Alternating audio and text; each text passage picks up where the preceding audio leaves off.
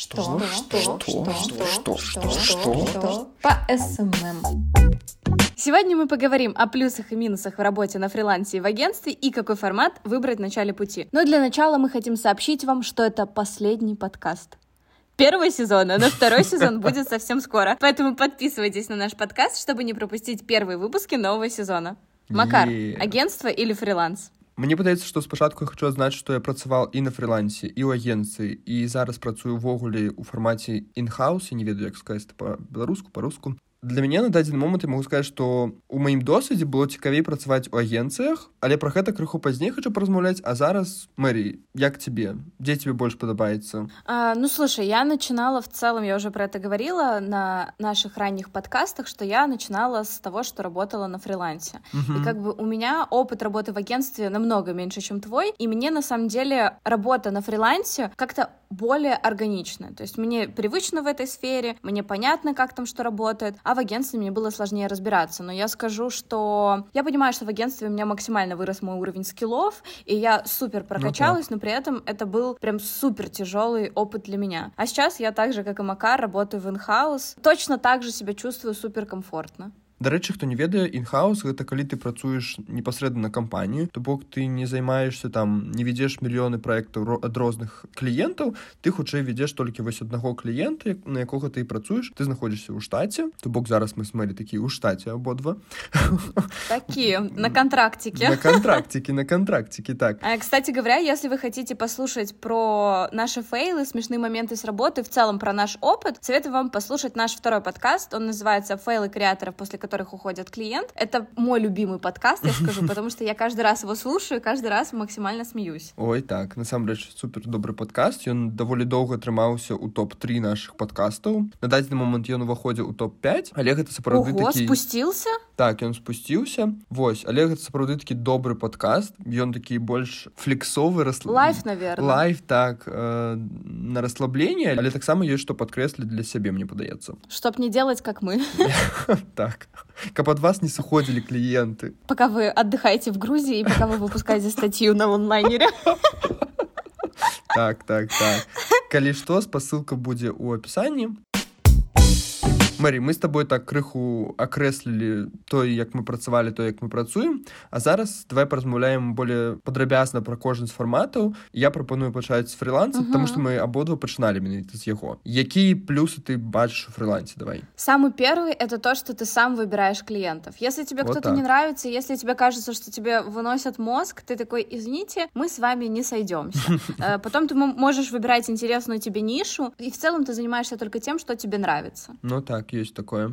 Ну я магу тады сказаць что гэта такі мне падаецца падобныя чымсьці але все ж таки розныя плюсы. Гэта то что ты можешь сам выбіраць графік сваёй працы. То бок ты можешь папрацаваць там раніцай і ў дзень і ўвечар і ў ноч няма нейкага там карпаратыўнага часу калі ты павінен быць на сувязі у тебя няма такой пастаяннай працы вось ведаеш і таксама ты можешь выбіраць яшчэ сваю загружанасць калі ты адчуваеш што у тебя там есть час ці ты адчуваеш што у тебя есть сілы натхнення ты можешь браць там і 5 10 100 кліентаў у агенцыі ж это все ж таки крыху по-іншаму да, но только вам нужно будет взять помощника, потому что в основном, когда вы работаете на фрилансе, вам нужно еще и снимать, и 10 клиентов Макара — это капец. Ну так, как бы, Нет, мне кажется, конечно. вот у меня максимально было 5 на фрилансе, и это прям на грани с выгоранием, ты все время так э, балансируешь. Ну так, ну так. Кстати говоря, еще один плюс вытекает супер из того, что ты говорил, это возможность получать больше денег. Потому что ну, ты так, можешь так. набирать себе больше клиентов, как ты говорил, там, ну, пускай даже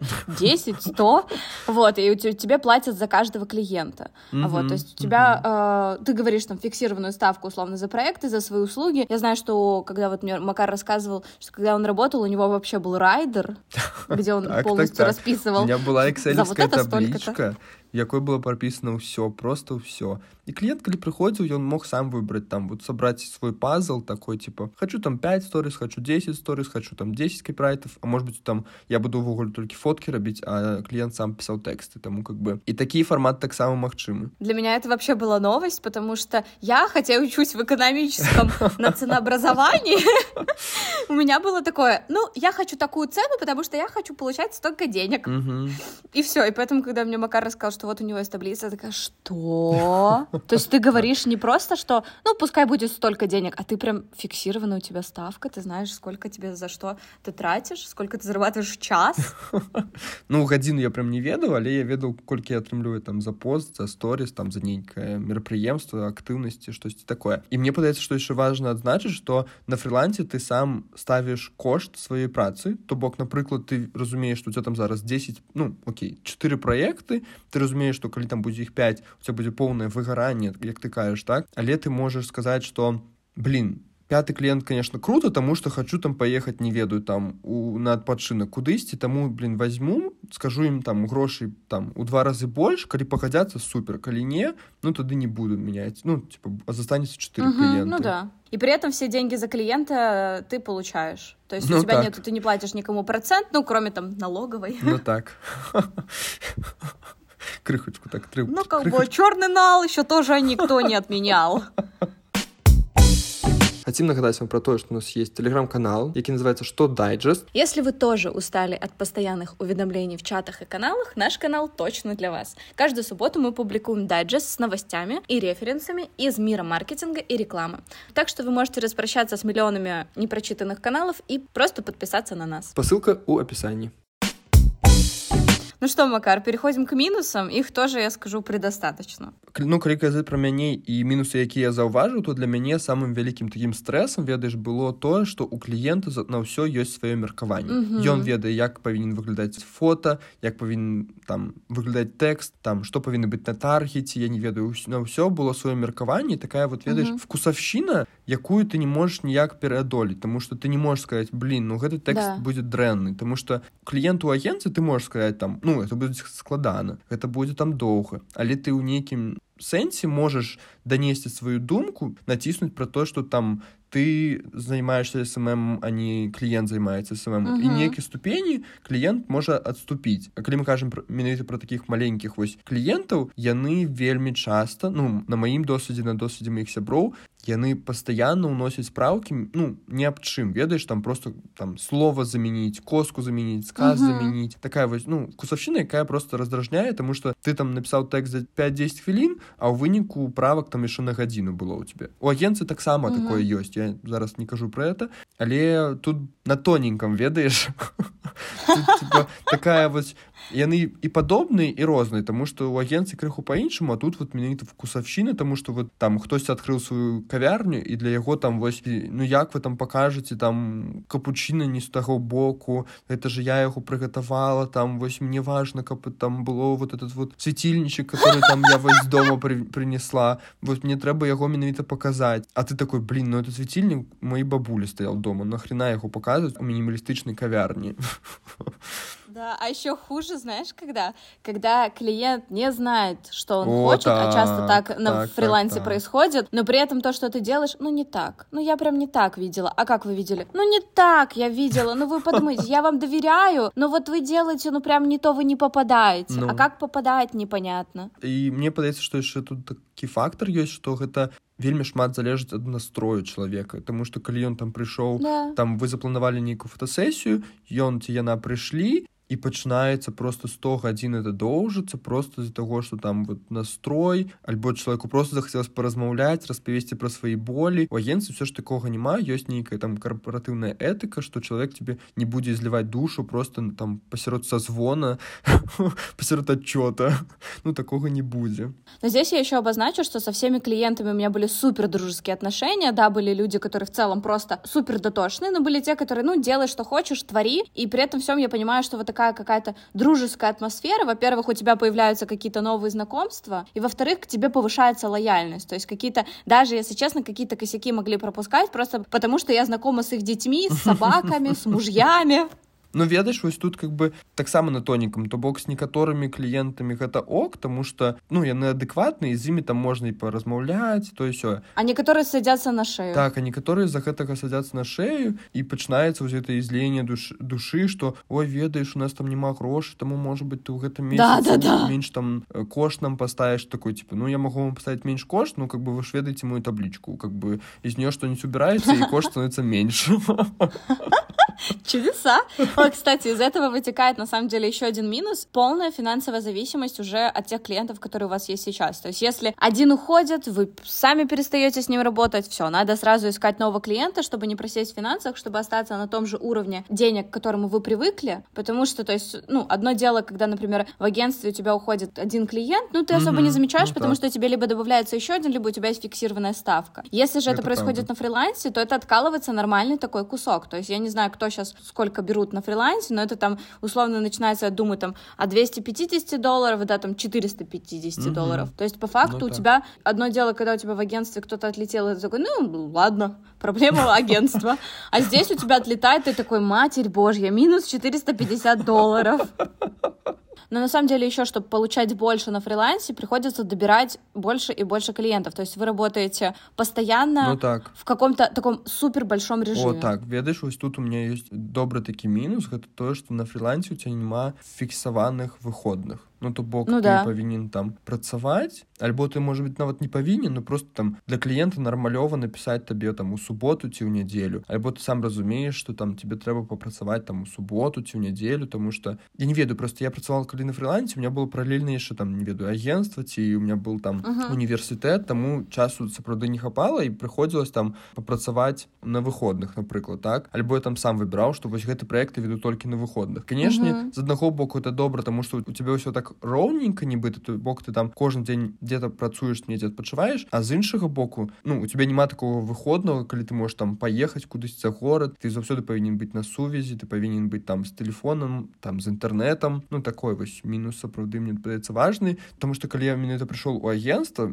я прям кайфанул то что вось блин ёсць прям цэлых два дні да, выходных, да. а потым а потым потым яшчэ сказалі што ёсць такія дні як там там 8 сакавіка першая траўня 9 траўня і так далей такой вау божачки что за супер классное жыццё мне пачынаецца ну так это ж есть даже фраза что для людей праздники то для фрилансеров инфоповоды поэтому ну, например так, когда ты работаешь на фрилансе у тебя 8 марта это не выходной это ты такой столько сейчас надо контента сделать ну просто максимально максимально. Любой, то есть любой праздник — это лишний инфоповод, где ты будешь максимально пушить контентом людей. И я здесь еще обозначу еще один минус фриланса — это то, что вот это какая-то есть нестабильность. Нестабильность, mm-hmm. то есть ты, ну, ты не будешь уверен, что у тебя будет в следующем месяце. То есть если в агентстве ты понимаешь, ну, ты будешь работать в следующем месяце, то есть и когда ну, тебя так. уволят, тебе об этом скажут, и ты поймешь, что ты плохо работаешь перед тем, как тебя уволим. А на фрилансе есть какая-то, я скажу, сезонность, что ли, то есть, например, летом, весной у тебя всегда будет работа, у тебя всегда будут клиенты. Я даже смотрю по своему mm-hmm. директу, просто в апреле все оживились. То есть, если зимой я сижу, думаю, блин, может, я... Почему мне не пишут? Ну, как-то уже даже обидно. А здесь сейчас пишут, а сколько стоит упаковка? А вы делаете визуалы? То есть, ну, какой-то наплыв клиентов есть. Mm-hmm. Плюс ко всему, я еще заметила, когда работала на фрилансе, очень сильно есть зависимость от всех э, ситуаций, которые происходят в мире. То есть, какая-то турбулентность, все, спрос так, на конечно. услуги падает. Не, так я памятаю, что вот там калі пачалась вайна я памятаю что просто у меня у сяброў типа, ну просто ноль замоў в агенции таксама было ну у вас в, ну у вас наверное снизился доход но при этом так, хоть какая-то ставка осталась так так так нам понизили ставку але ж ну прыбытак застаўся я памятаю что у меня сябар просто там вот у один день отвалились все клиенты все казалі что мы не ведаем что будет далей да, да, мы не да. ведаем як далей мы пакуль что нічога все на паузу все на стопе і мне сябар тады просто застаўся ну без працы ну у меня был было точно так же. То есть я, например, весь февраль и март просидела без ничего. То есть у меня, слава богу, день рождения в феврале.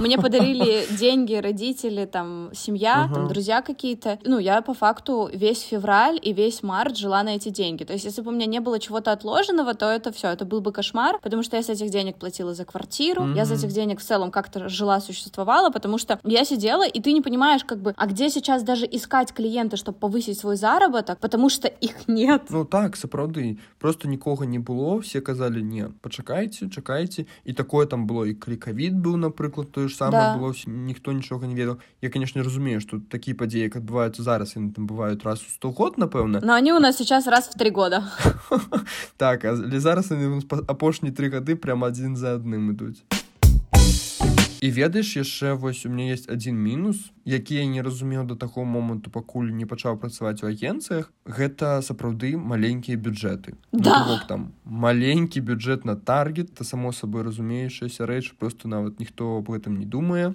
Другі момант гэта маленькія бюджэты на ўсё што не звязана з самім нстаграмам напрыклад там не ведаю на працу з блогерамі там ну паспрабуйце бесплатно да, хочаш нейкую там мерапрыемства зрабіць івент ну давай паспрабуем вось мінімальна на самом деле на фрилансе нужно понимать что ты будешь ты прям обязан научиться делать из говна конфетку просто из говна и палок что-то налепил ну, у тебя вышло и ты такой ну супер просто разумеешь тут такі момант что розніца паміж маленькім бюджэтам на фрилансе і маленькім бюджэтам у агенцыі гэта там ну это розніца ў тысячи рублёў ну то бок калі там прыходзіў нейкі кліент і казаў трэба пиар мерапрыемства за 6 тысяч рублёў то такой типа блин ну что-то маленький бюджет ну і при гэтым атрымліваю что-то крутое так ты такой вау блин ну конечно круто мы вытащили а на фрилансе там 100 рублёў ці 6 рублёў рабіце как бы такой таксама зрабіў штосьці крутое таксама круто атрымалось ну конечно это вот праблема з бюджэтамі яна сапраўды існуе мы казалі про гэта у подкасте з Димой прыбышам кіраўніком кіраўніком тыдай груп восьось мне падаецца што в гэтым трэба казаць і што трэба зламываць гэты рынок тому что сапраўды асабліва у маленькіх кліентаў бюджэты ну зусім ну іх просто не мае бы нават сказал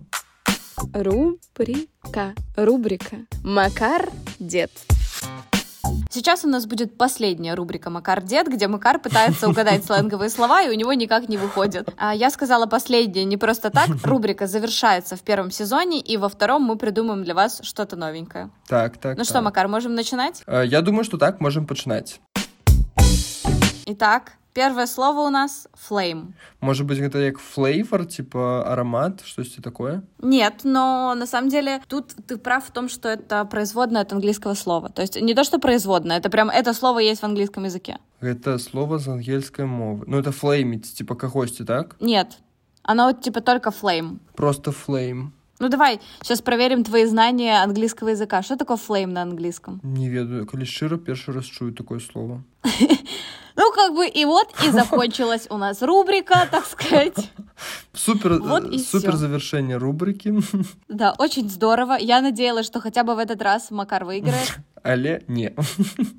Flame, блин, ну flame. Я нават не ведаю зноў ж таки что сказать. Flame flame flame. Ну если ты не знаешь как это слово переводится с английского то ну как бы не знаю как ты угадаешь если честно. Ну может быть это гэта як вайп типа нет, флейм такі ёсць это плохое обозначение. А, это ну то есть это слово такое неприятное. Угу. Блин, ну шчыра скажу блин мне прям я ведаеш апошняя рубрика я прям мне прям складана сказаць что я не ведаю складана сказать я сдаюсь але походу трэба сказать сдаюсь у гэтым слове. Чтоб ты знал флейм на с английского переводится как огонь на будущее запиши где-нибудь заметочку огонь? Fire это огонь. Ну, потому что флей нет флейм это огонь. Пламя тады ну пламя угу, ладно. А как огонь тогда будет? Fire а ну да ну тогда все, флейм это пламя. Uh-huh. Его используют для описания какой-то супер накаленной ситуации в споре в интернете, ну или там с переписки с другом. То есть это когда уже спор, который из конструктивного перерастает А-а-а. просто в ссору, где вы просто переходите уже на личности, вот такое. Ну давай второе слово. Второе слово у нас гамать. Гамать? Гамаць гэта гуляць во штосьці там это геймеры выкарыстоўваць легендарный день легендарная рубрика я только успела прочитать слово макар уже знает его значение можно здесь похлопать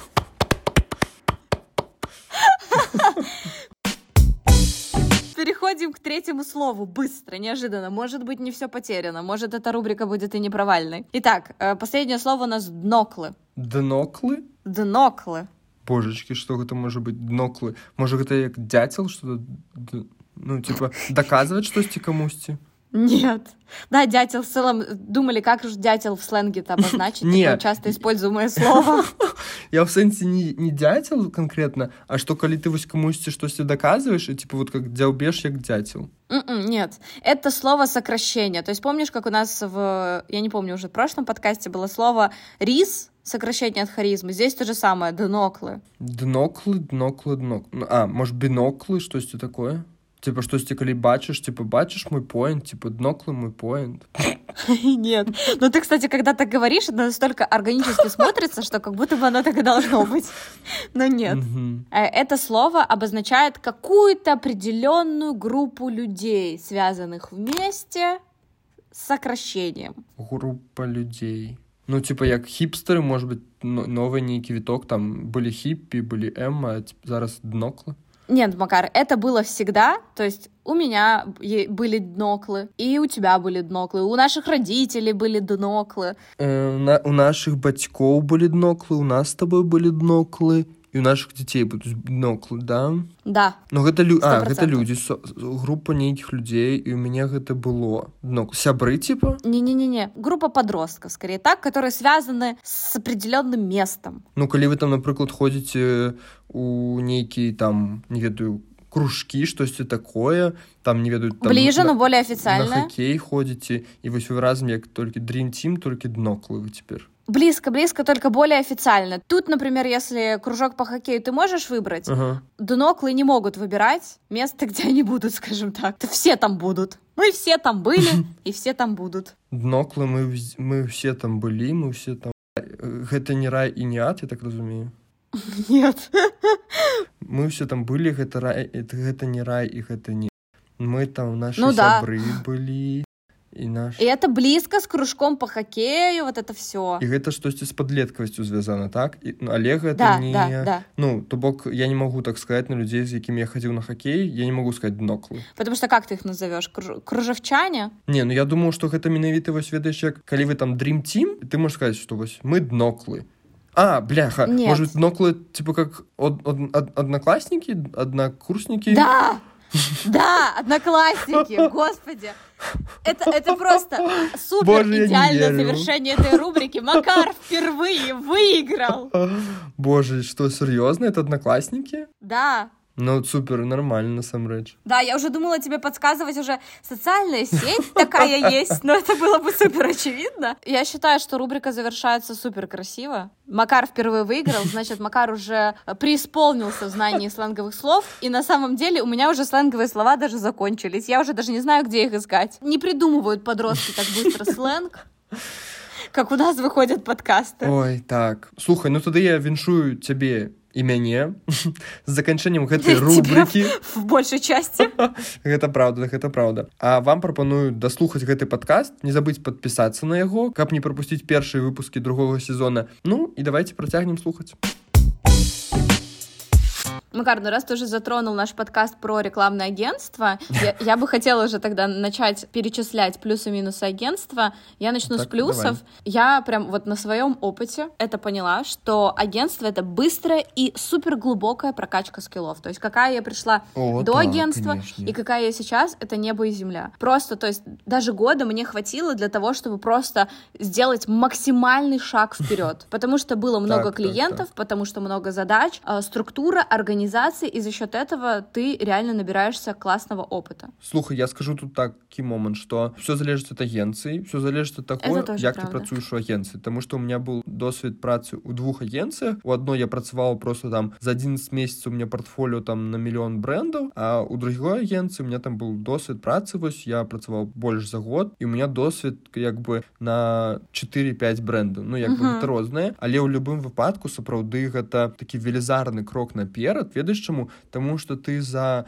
там ну год ці больш ты просто акунаешься у uh -huh. свет маркетингу просто на ўсе 100 ты теперь ведаеш не толькі там про смм ты ведаеш там не толькі як пасты рабіць тэксты пісаць ты ведаеш там як працуе таргет як камунікаваць з кліентам які uh -huh. кліенты бываюць увогуле ты пачынаеш размаўляць з рознымі людзьмі адсюда таксама дарэчы у меня плюс ёсць гэта тое что ёсць нейкая вось супольнасць то бок калі на фрилансе ты працуеш сам по сабе ну, да, у тебя да. конечно могут быть э, сябры з нішы але ўсё роўно там вы как бы у вас няма такого ведаеш аднаго кліента альбо аднаго чалавека ў агенцыі якого там пастаянна абмяркоўваеце кажуць А вось ён такі А вось яна такая ну, вось гэта такая плёткі Мачыма так? Але гэта пачынаеш варіцца прямо у гэтай сферы вы пачынаеце абмяркоўваць розныя тренды пачынаеце абмяркоўваць там а ты чуў гэта? А ты чуў то? І мне вось гэта вельмі падабалось что есть такая вось суполка команда у якой ты можешь працаваць жыць прямо і тебе прям хочется вось гэтай камунікацыі больше больше больше больше.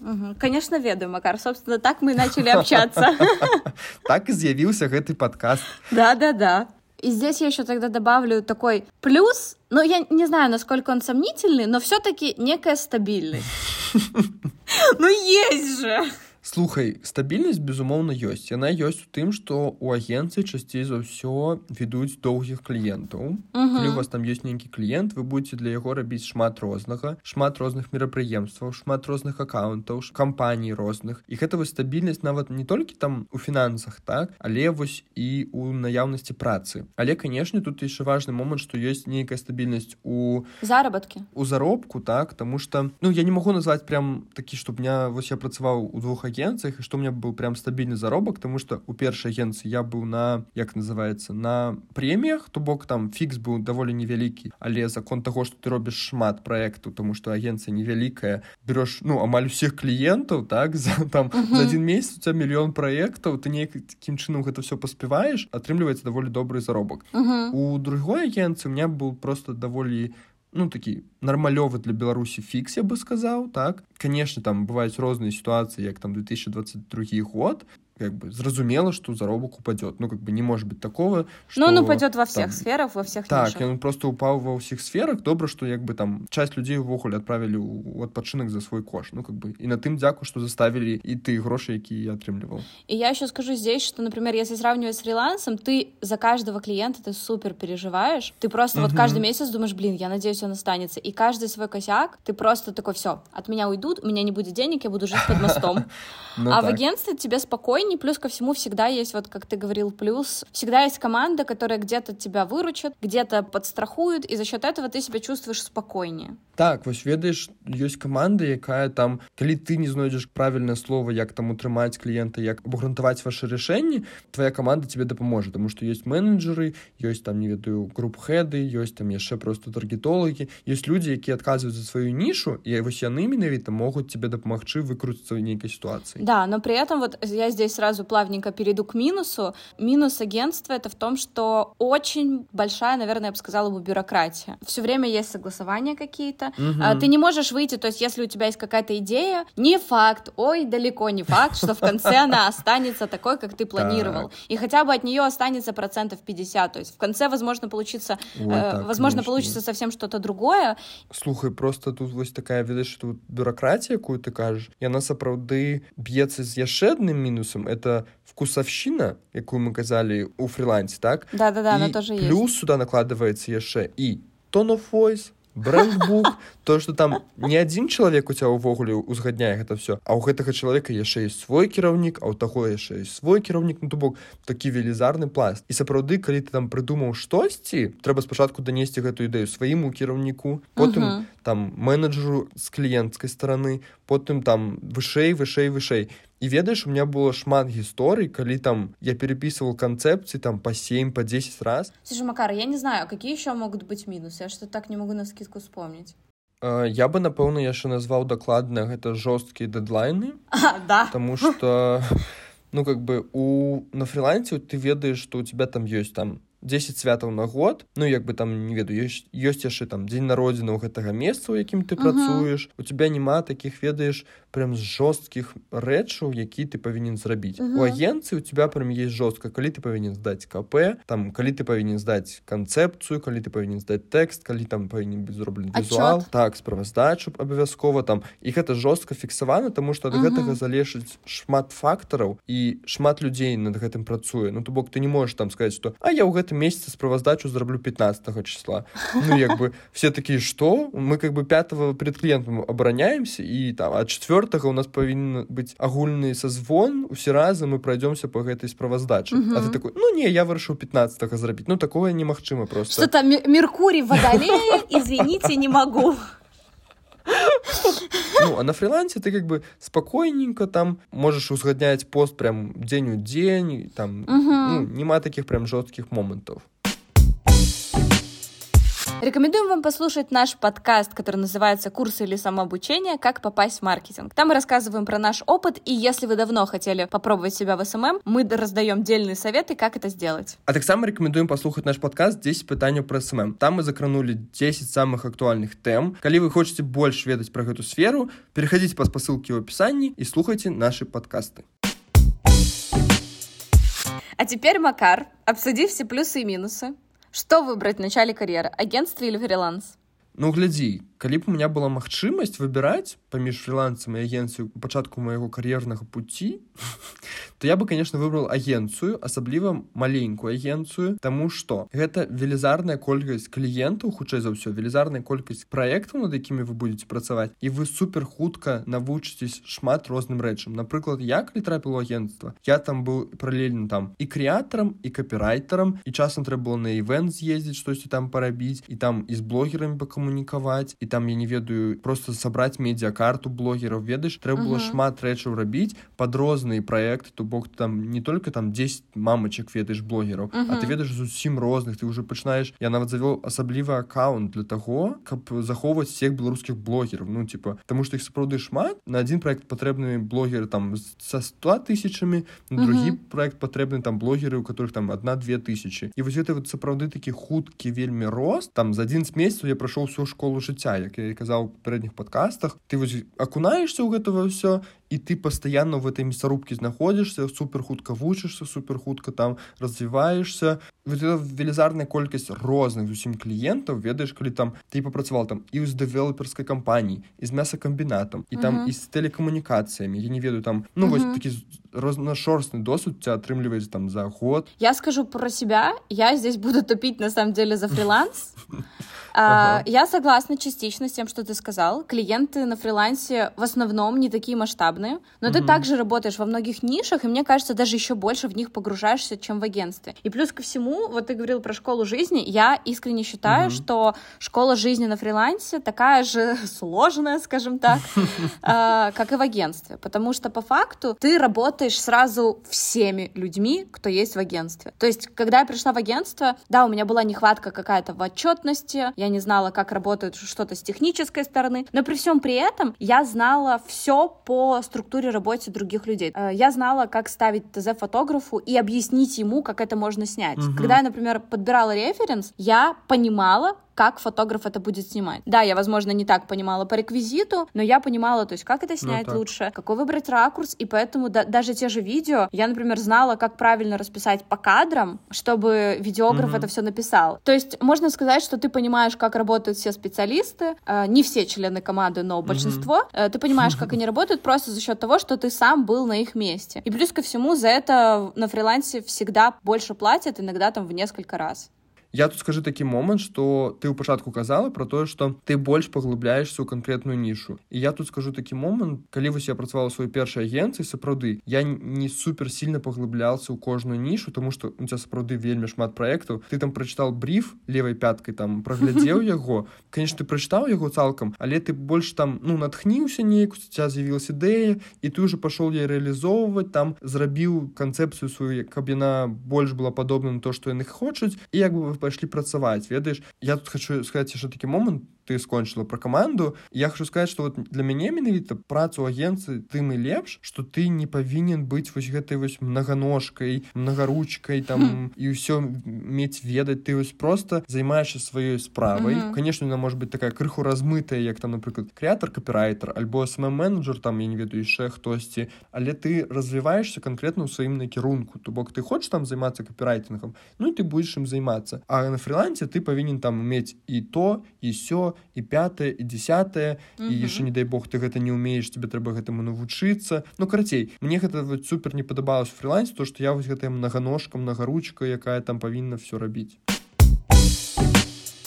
Здесь, раз мы решили поговорить именно про начало пути, э, я здесь все-таки обозначу, что фриланс более реален для человека, который приходит только в сферу SMM. Нужно понимать, что в агентство сложно попасть с нулевым опытом. Это и, правда. Есть, это прям, ну, почти невозможно. Даже если это практика от университета, это мало что дает. То есть, ну, ты приходишь зеленый, и тебе нужно просто угу. до того момента, как ты просто будешь хоть как-то вообще разбираться, пройдет супер много времени, нежели чем ты придешь, например, в агентство уже после фриланса. Опять же, выбирать вам, ну, нужно понимать, что достаточно легкий вход, какая-то такая свобода, и финансы во фрилансе очень легко компенсируются в агентстве быстрым ростом и прокачкой hard skills. То есть вы просто выйдете вообще другим специалистом, который может по факту все. Ну, я считаю, что мой опыт, когда я пришла с фриланса и в агентство, это супер классно, потому что у меня были очень хорошо прокачаны soft skills. И технические скиллы я прокачала именно в агентстве. Но я здесь, на самом деле, не посоветую, как правильно войти в агентство,